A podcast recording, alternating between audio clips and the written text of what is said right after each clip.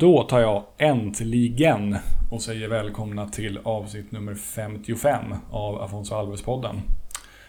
Jag heter Johan Dykhoff och det är med lite blandade känslor som jag spelar in den här påan. Jag har nämligen bestämt mig för att det här får bli sista avsnittet av Afonso Alves-podden.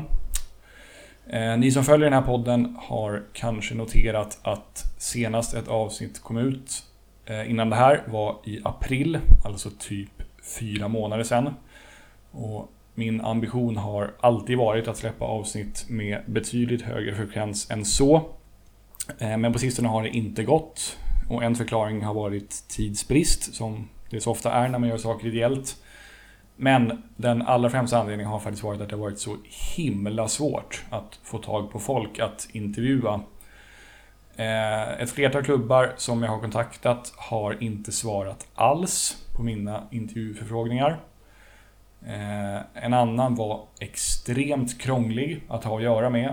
Så till den grad att spelaren som jag ville intervjua, han lämna klubben under den tid då de påstod sig utreda ifall det skulle vara möjligt att genomföra den här intervjun.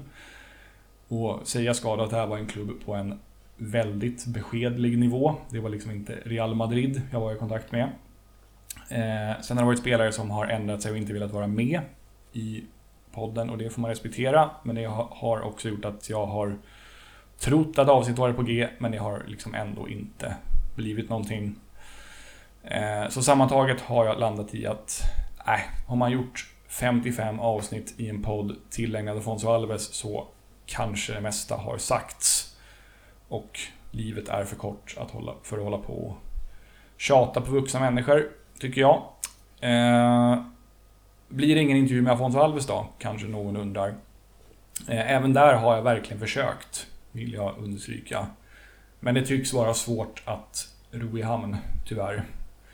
Eh, ifall det ändå skulle lösa sig så kommer jag släppa ett avsnitt till, avsnitt 56. Men annars så blir det här avsnittet det sista. Om vi nu utgår från att det här blir sista avsnittet så är det i alla fall en lämplig gäst som sätter punkt för podden, nämligen Afonso Alves gamle anfallskompis eh, Niklas Skog. Eh, Niklas behöver väl ingen närmare presentation. Han vann skytteligan i stor stil i Allsvenskan 2003 med Malmö FF. Vilket var säsongen innan Afonso kom till klubben. Och året efter det var han och Afonso bidragande till MFFs SM-guld. Idag arbetar Niklas med Malmö FFs fotbollsakademier som jobbar med att med hjälp av fotbollen hjälpa ungdomar att prestera bra i skolan. Eh, Niklas berättar en hel del om det här arbetet mot slutet av intervjun. Eh, ja, hoppas att ni ska uppskatta den här sannolikt sista Afonso Alves-podden-intervjun.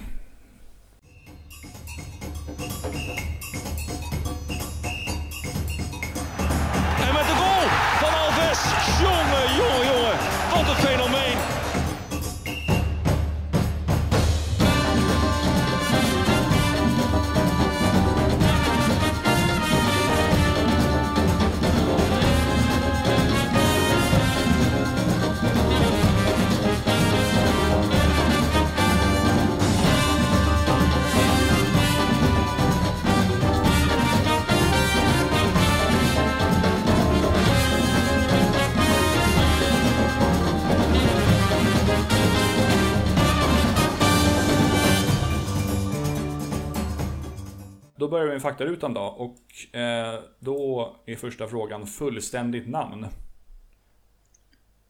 Jag heter Jan Niklas Skog.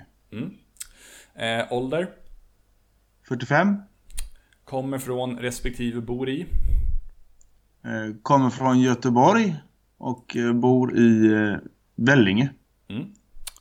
Eh, favoritspelare genom tiderna tar vi sen och det kan vara en eller flera nu Ja, aktiva jag, eller har, jag, har, jag har Maradona. Ja, klassiskt val. Eh, tvärtom då, någon eller några spelare som du inte gillar av någon anledning. Eh, ja, det har väl varit mer sådana... Eh, några, några som jag inte gillar. Peppe har jag faktiskt aldrig gillat. Det passar bra. Det, det, du är inte först att säga det i den här podden. Nej, men det, det, oftast är det för att eh, en spelare som alltid spelar tufft och, men alltid har on, mest ont själv när han går in Ja. i det. Lite mer, lite, det är nog mer så. Mm. Ja, förstår. Ehm, det här är en, en snarlik fråga, men en företeelse inom fotbollen som du inte gillar? Filmning. Filmning? Du gjorde aldrig det, eller hur? Det händer nog. Men man kan ändå bli irriterad på det. Ja. Ja, absolut. ja. Det, är fel.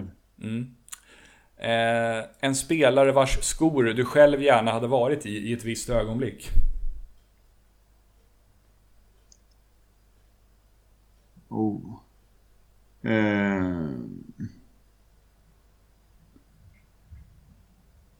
Ja, men det hade, då får man ju välja en VM-final liksom. Jag hade kunnat tänka mig antingen... Eh, jag säger Breme. När han avgör eh, mot Argentina. På straff. Mm, snyggt. Eh, då kan man tänka sig att det kanske var hans bästa upplevelse i karriären. Vilket skulle du säga är din bästa fotbollsupplevelse?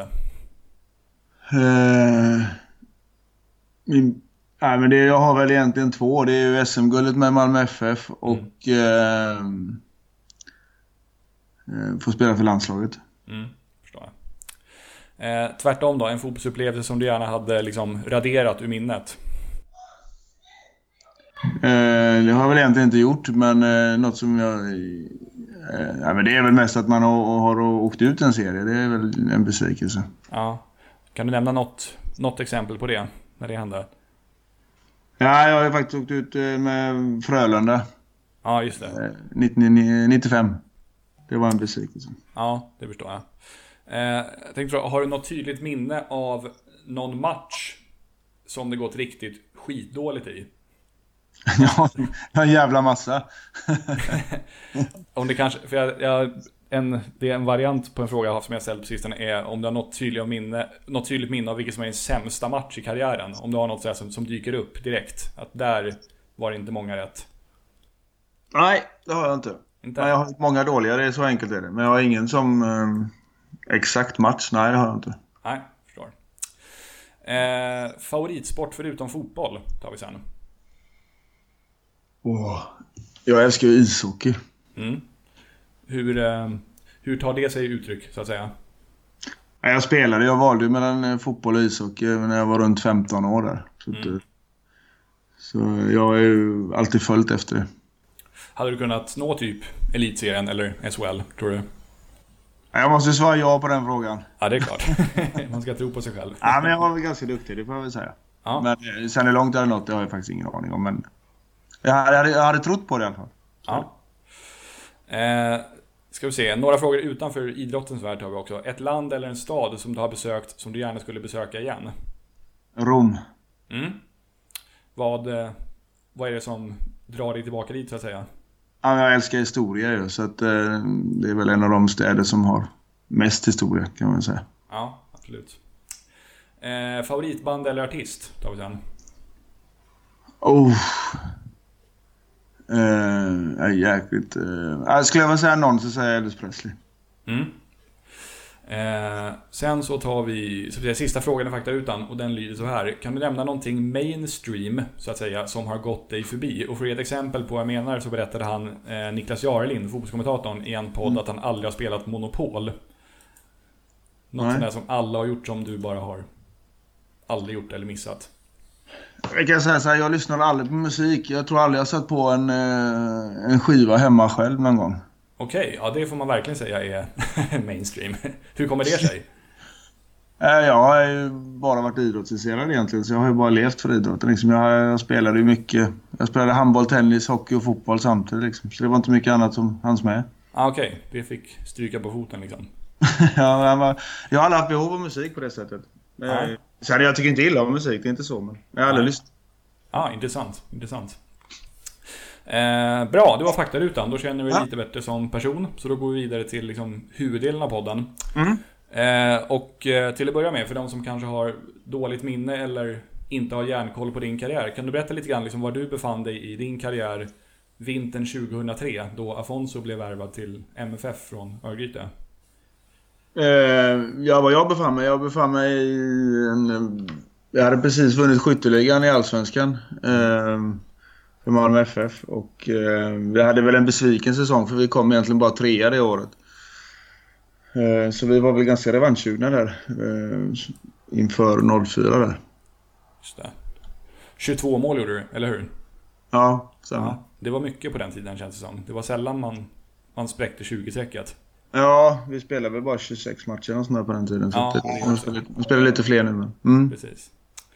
Ehm, nu var ju Afonso väldigt, väldigt bra och var väl liksom en förstärkning för vilket allsvenskt lag som helst. Men var det inte lite så, nu kanske jag liksom insinuerar, men att Malmö kanske egentligen inte hade något liksom skriande behov för just en sån spelare i truppen? Eller ja, du förstår frågan? Jag förstår. Eh, nej, vi, vi hade ju bra lag eh, redan 02-03 där. Så vi kom ju både tvåa och trea. Eh, men sen gjorde vi väl några inköp. Vi köpte in fler än Afonso. Vi köpte in Igor Supniewski och eh, sen kom Patrik Andersson hem också. Från Barcelona. Eh, så vi var, hade ju ett väldigt starkt lag liksom. Men, eh, men det är klart som du säger, Afonso var ju en exceptionellt bra individualistspelare där som hade alla egenskaper för att bli en stor stjärna liksom. Mm. Så att han... Han vi kan väl säga att han... Ja, han blev ju värvad som en eh, toppspelare liksom men eh, jag tror inte vi riktigt, riktigt visste var vi skulle sätta honom från början. Nej, det, var väl, nej. det var väl lite vänster yttermittfält och sen det var lite forward och lite sånt där. Ja, precis. Mm. Eh, vad minns du som hans liksom, bästa egenskaper som, som spelare? Ja, han hade ett otroligt tillslag. Man hade väl det mesta. Han var ju tekniskt snabb. Ehm, som sagt, bra tillslag på bollen liksom. Sånt där. Så att, ehm, han var ju en eh, otroligt duktig fotbollsspelare, alltså, det måste man ju säga. Mm. Var det något han var liksom mindre bra på enligt dig? Kanske någonting som du till och med tyckte att du var bättre på än han? Jag var bättre på allt än han. Men, ja, det är klart. men, eh, men, nej, men alltså... Eh, Afonso var väl... Eh, han var väl en liten typisk brasse här egentligen kan man väl säga om man nu kan använda Men de, de, de, de ville leka fotboll liksom. Vi andra svenskar, vi är mer strukturerade och försöker hitta kombinationer och sånt medan han försökte lösa lite själv. Så det, det var väl... Han bröt väl mönstret helt enkelt lite grann. Ja, förstår. Hur bra var han liksom på att spela fram eller liksom på annat sätt underlätta för dig och övriga offensiva spelare? Ehm, det var väl mer som vi... Vi fick väl underlätta för honom egentligen. Det var väl lite så det var. Mm. Ehm, eh, han var ju så pass skicklig så att eh, ju mer boll han hade desto bättre var det för oss andra också kanske. Ja, förstår. Jag minns ett inslag från, tror jag att det var SVT-sporten, när de intervjuade Afonso och eh, Lasse Nilsson i Heerenveen i samband med Afonsos succé där. Och Lasse Nilsson var ju liksom assistkung i ligan då den säsongen och spelade ju fram till många av Afonsos mål. Och då fick Lasse frågan ungefär, får du några passningar av honom då? Och jag för mig att han svarade något i stil med, ja det, det händer väl. Ungefär. Det var ganska så mycket, ganska enkelriktat förstod jag det som. Ja, men, men det var ju lite så. Han, det var han. Men samtidigt var han ju extremt duktig på det. Så att Ja, det, vi andra fick ju utnyttja hans egenskaper också. ja precis.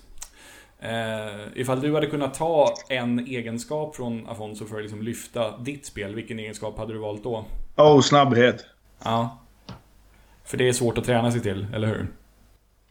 Ja, sen är det väl... Ja, det, det kan man väl säkert göra, men... Eh, sen är det lite grann på hur man är byggd och det ena med det andra. Sånt där, så att, eh, vissa har ju snabbheten i sig från början. Liksom. Eh, jag har väl aldrig haft det. Hur, vilken liksom, alltså man kan ju vara snabb på olika sätt. Vilken, vilken typ av, hur, eller vilken typ av snabbhet hade han liksom, skulle säga? Ja, men han kunde ju springa ifrån en motståndare. Det, det, var väl, det var väl det jag aldrig kunnat göra. Jag var väl, jag var väl kvick första stegen liksom, och vändningar och sånt där. Mm. Så jag vann ju mycket yta på det, men jag, jag, kunde, jag, jag tror aldrig jag har kört en peta stick-fint liksom. Nej, okej. Eh, så den snabbheten, hade man, alltså, vinna en, eh, vinna en eh, löpningsduell liksom. Det hade, varit, det hade jag behövt. Högre toppfart, liksom. Ja, precis. Ja.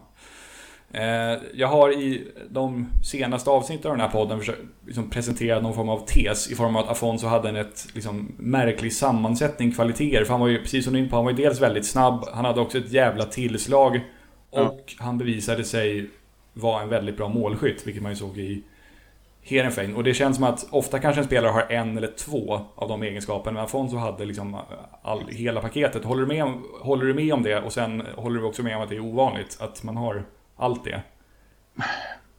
Jag håller med om att han hade det mesta, absolut. Eh, han hade ju hade väldigt lätt för sig. Man, man hade såna här med, med löpning och spänst och allting. Alltså han var ju otroligt fit i, i sin kropp liksom. Eh, det var samma som när han löpte. Det såg ut som han han flöt fram liksom. Mm. Eh, sen är det klart, han var ju en... Ska jag säga, ska jag, det visade han väl i herren. För alltså, extremt målskytt tycker jag inte är. För han gjorde väldigt sällan de här enkla målen egentligen. Som, ah, okay. som, en, mm. som en extrem målskytt gör. Om man tittar på Van Nistelrooy till exempel. Så han stod på mållinjen och petade in varje boll. Men han, han var ju en extrem målskytt ju. Ja, just det. Ja, extrem om, om, man tänker i antal i alla fall. Liksom. Ja, men alltså just det här att man, man gör de enkla målen. Afonso gjorde ju ofta snygga mål. Liksom. Det var ja. kanske skott utifrån eller frispark eller så dribblade han av två stycken. Och sånt där, liksom. Det är sant. Eh, men det var väldigt sällan han stod och petade in den bara. Så att, eh, han, skap, han skapar väl sina egna chanser på något sätt. Ja, just det. De mål gjorde du istället. ja, precis. Ja, jag fick läsa spelet. eh, Paulinho tänkte jag för sig på. Han, alltså i Häcken nu. Han är, ja. han är väl lite sån. Där att han, han han kan skjuta frisparkar och han gör mycket ja, mål. Men, jag vet, han lika Afonso. Nu tycker jag i och för sig Afonso var en bättre fotbollsspelare än vad Paulinho är i och för sig. Men, eh, ja, eh, Afonso hade bättre spetsegenskaper genom sin, sin teknik och snabbhet och skotta. Liksom. Så ja, att, eh, det var väl det han levde på egentligen. Paulinho kommer inte spela i Brasiliens A-landslag, kan vi... Det tror jag inte han kommer göra. Nej. eh, med liksom Afonsos kvaliteter i åtanke, vilken var enligt dig hans optimala position på planen? För som du var inne på, han hoppade ju runt lite i MFF. Ja, men det, det, det gjorde han ju. Det var svårt att hitta hans position. Alltså, för, för mig är han ju en, en forward liksom. Um, som... Um, han hade, ju, han hade ju tekniken för att ta emot bollen och det ena och andra. Men han, han, var, han är en forward. Han var en offensiv spelare. Mm. Som ska ha mycket boll liksom. Det, så var det ju. Så ingen tia eller ytter eller så? Nej, det, nej, jag tycker inte att han är det. Uh, jag tror att det, det bästa för honom är nog att ha, uh, spela på forward med en, med en tagetspelare bredvid sig, tror jag. Ja. Hur, uh, alltså det känns ändå på att alltså det måste vara annorlunda att spela med en sån typ av spelare kontra, vad vet jag, liksom en the average allsvensk anfallare. Liksom. Alltså det, det måste vara, man får det, det, det, kräver en del även av en själv att spela med en sån som Ja, det, det, alltså, jag spelade med Peter Idje i 02-03 liksom och då var det mm. då hade, vi hade ett otroligt samma, sam, samarbete liksom. Vi touchade till varandra och sånt där. Eh, med Afonso fick man, vad väl jag, fick jag väl anpassa mig mer efter honom egentligen än vad han anpassade sig efter mig. Ja. Eh, så det blev lite annorlunda, helt klart. Eh, hur minns du Afonso som liksom lagkamrat och som en del av truppen? Uh, jäkligt bra kille. Uh, lätt att ha att göra med. Uh, en god kille helt enkelt. Var väl, inte, var väl inte den som tog jättemycket plats i omklädningsrummet egentligen men, men ändå var ändå med liksom och sånt där. Mm. Det var absolut inga svårigheter med honom. Otroligt bra kille. Ja.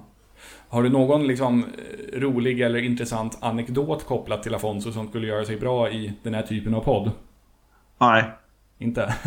Nej. Nej men alltså det hände väl inte så mycket runt Afonso på det sättet, alltså med anekdoter och sånt där. Vi, eh, det var väl mycket, mycket som hände i omklädningsrummet i och för sig, men det, det, får ju stanna där tyvärr. Ja, jag förstår. Ja. eh, vad var jag tänkte på? Ah, jag glömde bort det. Jag tar det sen när jag kommer på det. Ja, ja. Eh, hur, liksom, sen när Afonso väl gick vidare till, till Heerenveen så gjorde han ju kolossal succé där och ja. han var ett mål från att vinna eh, guldskon i Europa och fick spela i Brasiliens A-landslag och allt vad det var. Hur, liksom, hur överraskande var det för dig att han nådde de, de höjderna? Uh, nej, det, det var inte jätteöverraskande, men det var väl lite överraskande var väl att han uh, att han uh, kom med i brasilianska landslaget och även gjorde så mycket mål. för han gjorde egentligen inte så mycket mål för oss, men han gjorde så mycket annat i och för sig. Eh, så det var väl lite överraskande. Samtidigt så spelar de lite annorlunda än vad vi gör i Sverige också. Sverige är väldigt defensivt eh, strukturerat liksom. Eh, Holland är det lite mer man-man på ett sätt. Och sätta man-man mot Afonso, då var man ju körd liksom. Ja, just det. Ja, det tenderar ju alltid att vara någon sån där som gör 30-35 kassar i den ligan. På, till skillnad från Ja. i Allsvenskan liksom. Ja, det är lite grann. Alltså, I Allsvenskan så jobbar ju... Jag ska inte säga att vi är bättre än Holland, men vi, har ju, vi, vi tränar väldigt mycket försvarsspel. Liksom. I, eller vi gjorde det i alla fall innan i Sverige. Eh, där man strukturerade upp de här. Och då var det oftast 4-4-2 man spelade ju. Så att då, alla hjälpte varandra på något sätt. Ja, Så det var väl, ehm, var väl svårare att göra mål kanske på det sättet. Sen, sen är det så att han spelade kanske med bättre spelare i Herrenfen också. Så att det är så många faktorer att han lyckades. Men framförallt är det att han var skicklig själv ju. Det får man ju inte ta bort. Det är väl därför han gjorde så mycket mål. Så är det. Ja, precis. Jag minns att jag lite grann kände den säsongen så här, när han gjorde så... Alltså när han var uppe på... Började närma sig 30 gjorda mål och... Det var ju till och med tal om liksom Barcelona ett tag, att de, skulle att de skulle vara intresserade av honom och att man nästan kände... Det kändes nästan lite overkligt, att man kände e- shit, är han verkligen... Är han så bra? Liksom, för man hade sett honom göra mål mot Elfsborg och Häcken och sådär, men nu när det liksom börjar tala om... Okej, ska han till Barcelona? Då, det är en lite annan nivå, så att säga. Nej, det är det inte.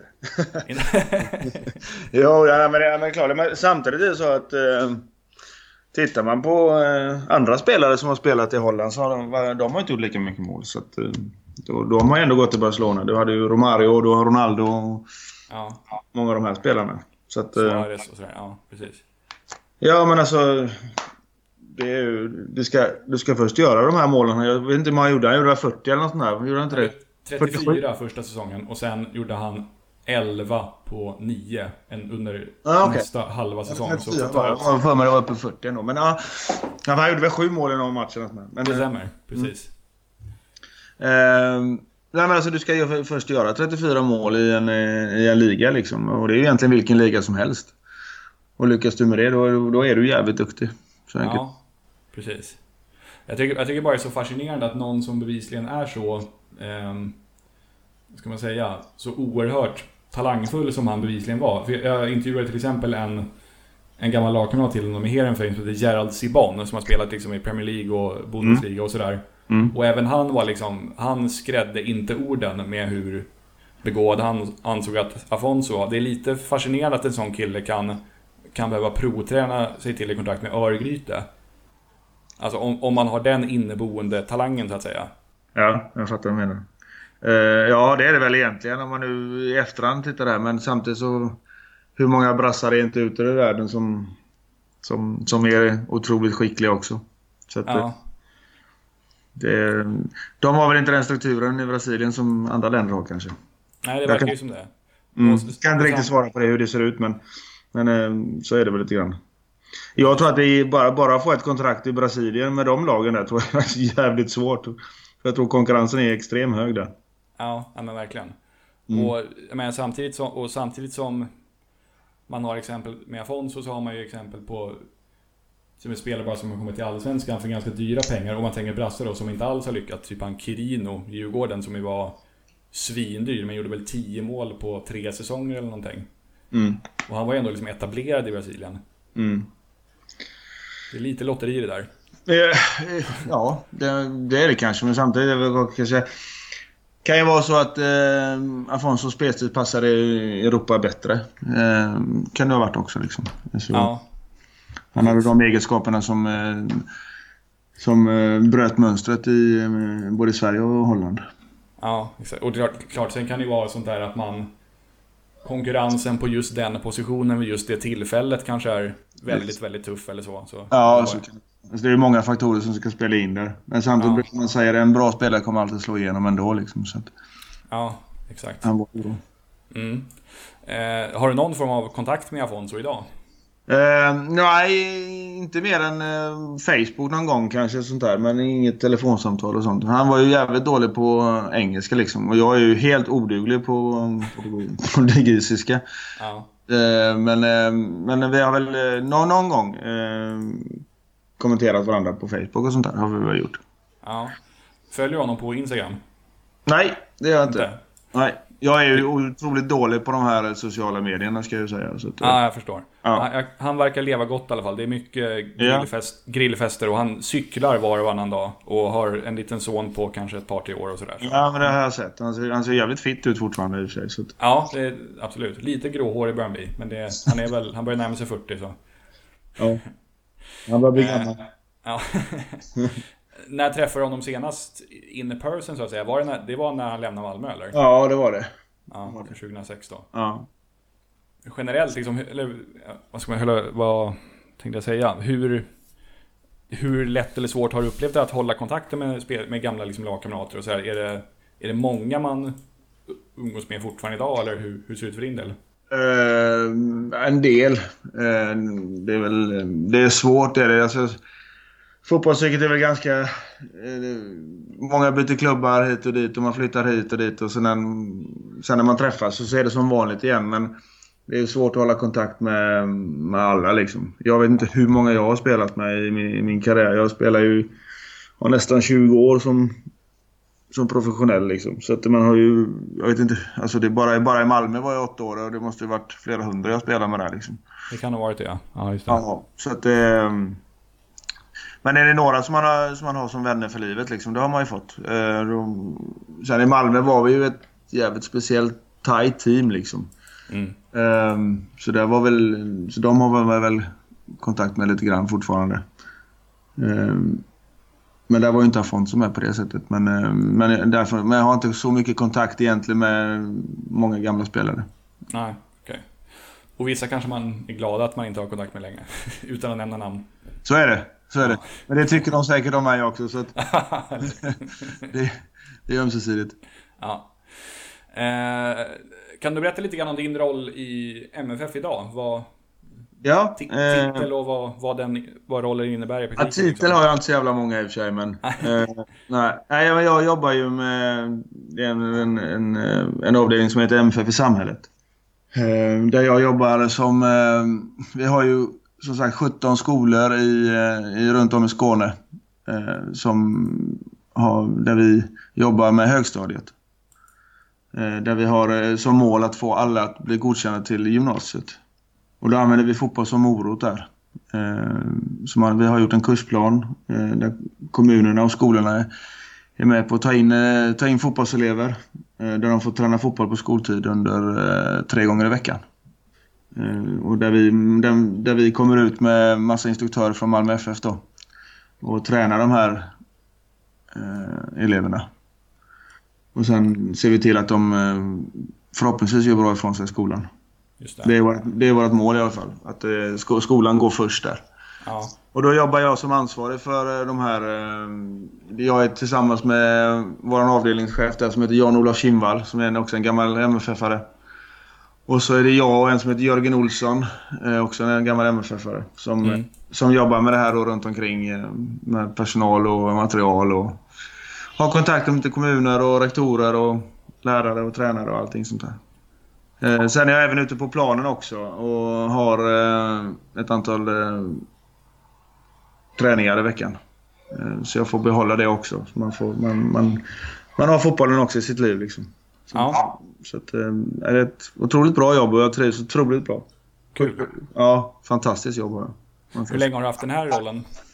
Eh, Det är väl egentligen ett år kan jag väl egentligen säga. Innan var jag var jobbade väl som instruktör bara, alltså bara tränare ute på skolorna. Samtidigt som jag jobbade på en skola så där vi hade en akademi då. Så jag jobbade lite, i- lite inom skolan och även lite med fotbollen då.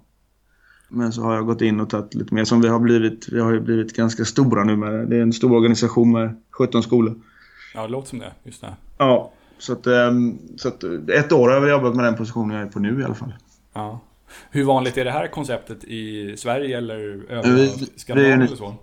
Vi är helt unika. Det är så? Okej. Ja, eh, jag tror ingen annan klubb kom, kan göra den som vi gör på det sättet tror jag.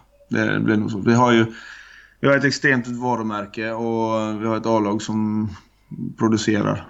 Eh, sen har vi en stor organisation bakom oss. Så att, eh, eh, jag tror att det blir svårt för andra föreningar att göra detta. Ja, det kostar väl några kronor också misstänker jag. Ja men det, det gör det ju. Alltså, sen, sen är det så att det, vi, vi, vi säger, ska inte sälja, vi säljer vårt koncept. Men vårt koncept kostar ju pengar lite för kommuner och sånt där.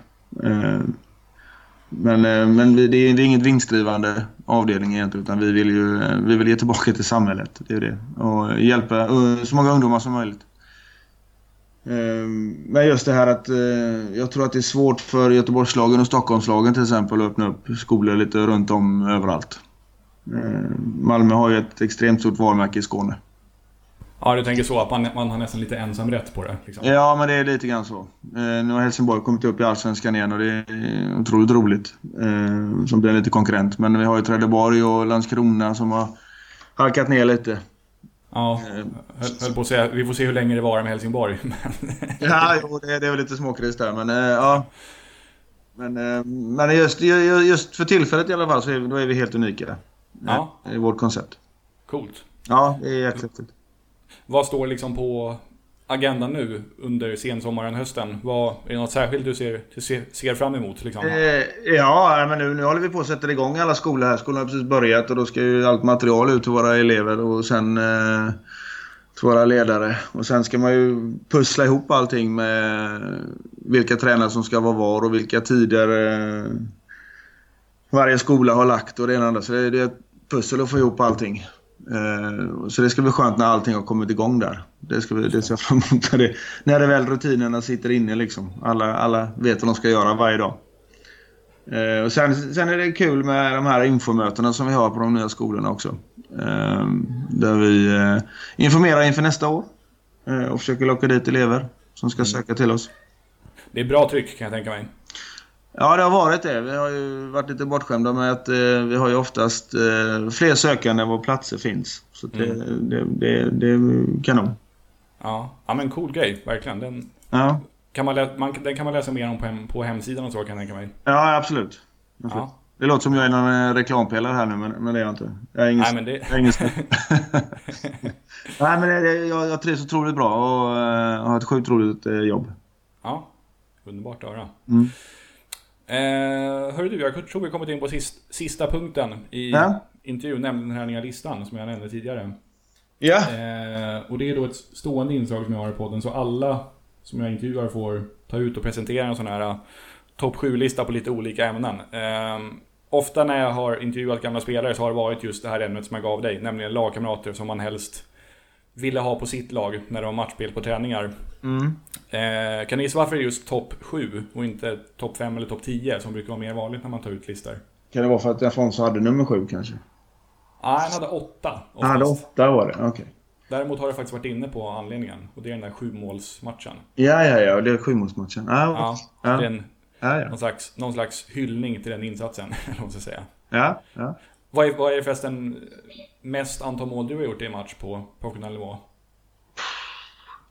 Har du gjort fyra eller fem någon gång? Nej, jag tror inte. Inte, inte, inte en... Eh, tre har jag väl gjort. Ja, det är mått. Det. Uh, men... Uh... Det har väl till och med Jörgen Olsson gjort, höll på att säga. ja, tack för den. uh, nej, jag, jag, nej, jag tror inte jag har gjort... Inte på, inte på uh, elitnivå har jag inte gjort. Det är en... en ja, under en match, match. Kanske någon träningsmatch har man väl gjort några, några stycken, fem mål och sånt där. Men inte i någon tävlingsmatch har jag inte gjort det. Nej, nej men nej. Tre är bra det också. Eh, hur som helst, jag tänkte ja. att, du skulle, att, att jag lämnar över ordet till dig och så får du säga dina sju spelare och ge någon liten motivation, motivation. till varje namn också. En liten motivation till varje namn? Ja. Ja, ja men det ska jag göra. Yes. Eh, jag har valt... Eh, det är så att jag har, de, ja, de jag har valt eh, är ju vinnarskallar. Eh, de kanske inte alltid visar det, men de, det kokar inom dem och de förlorar. Mm. Eh, och, eh, jag hade en målvakt i Nürnberg som var extrem vinnarskalle. Han var nästan på grund idiotförklarad. Men, eh, men det var Andreas Köpke. Ah. Han var extremt duktig var han i sig också. ska man ju inte ta bort från honom. Var den bästa målet jag haft. Eh, han hade jag, han, varje gång han stod så förlorade han väldigt sällan. Eh, sen har jag, har jag tagit en annan målvakt också. Det är Mattias Asper. Extremt vinnarskalle också och en tjur, riktig tjurskalle.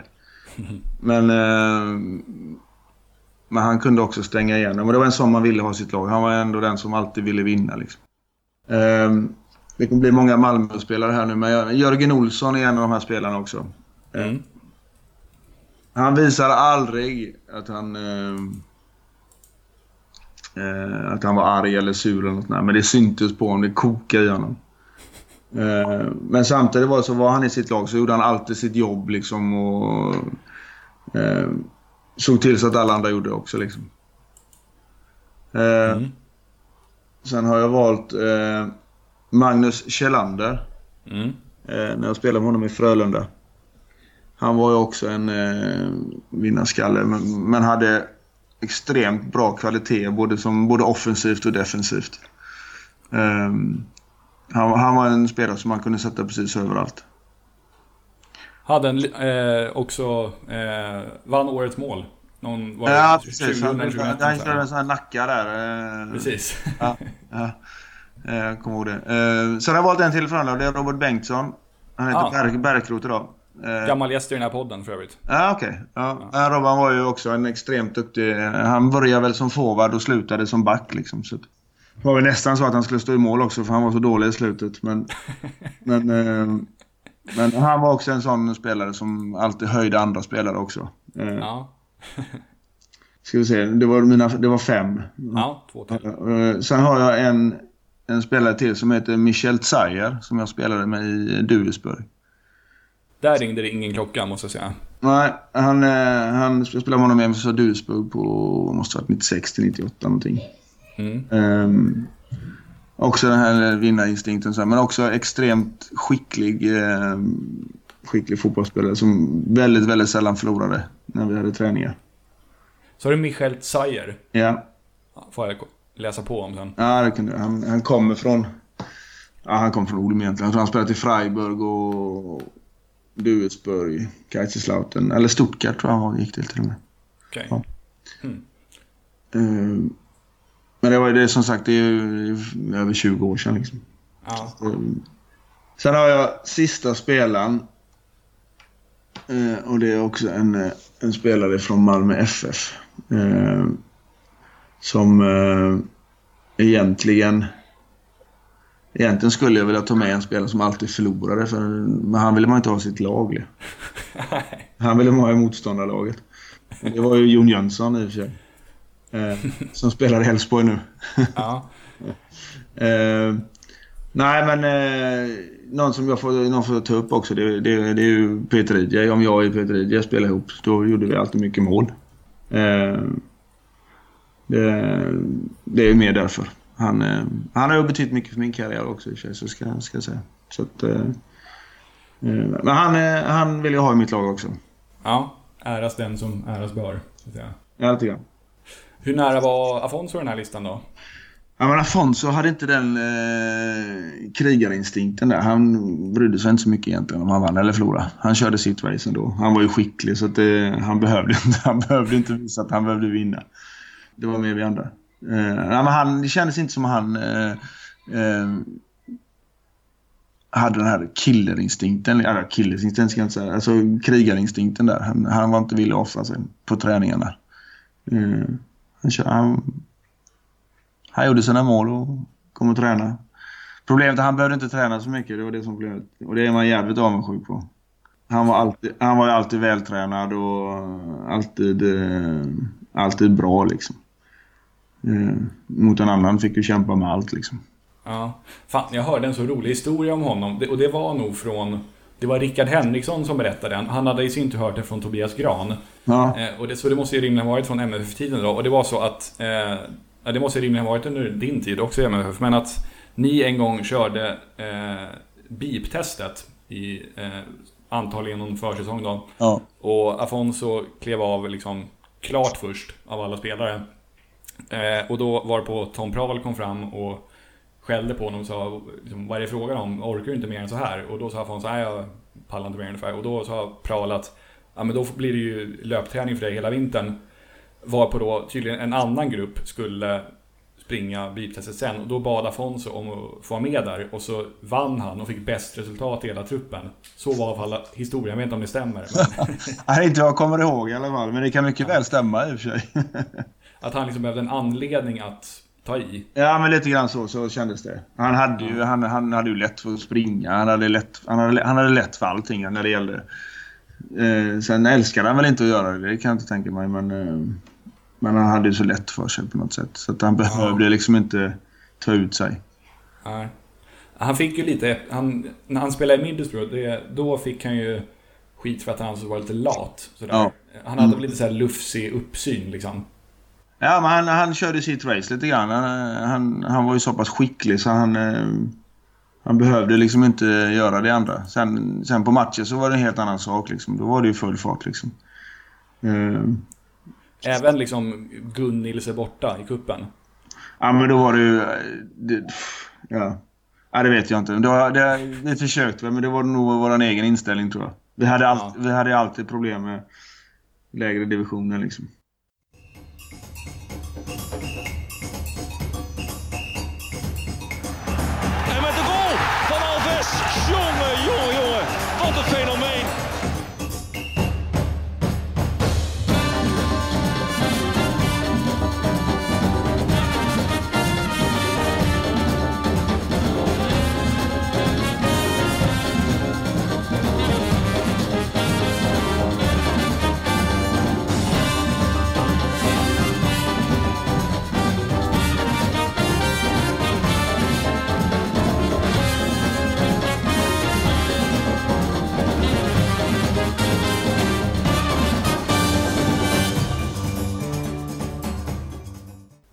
Sådär ja, då tar vi och tackar Niklas Skog för att han tog sig tid att ställa upp på den här intervjun och vi önskar honom såklart all lycka där nere i Malmö framöver. Eh, som sagt, vi knyter ihop Afonso Alves-podden i och med det här avsnittet och därför vill jag rikta ett stort, stort tack till alla som har tagit sig tid att intervjuas till den här podden. Eh, ett särskilt stort tack skickas till David Berg som har varit med inte mindre än tre gånger. Sen vill jag givetvis också tacka alla er som har lyssnat och kommit med glada tillrop under de här två och ett halvt åren som jag har gjort podden.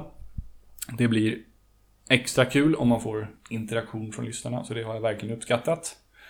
Eh, som sagt, vi får se. Ifall Afonso Alves vill vara med i podden så Kanske blir det ett avsnitt till, men jag skulle inte sätta några pengar på det.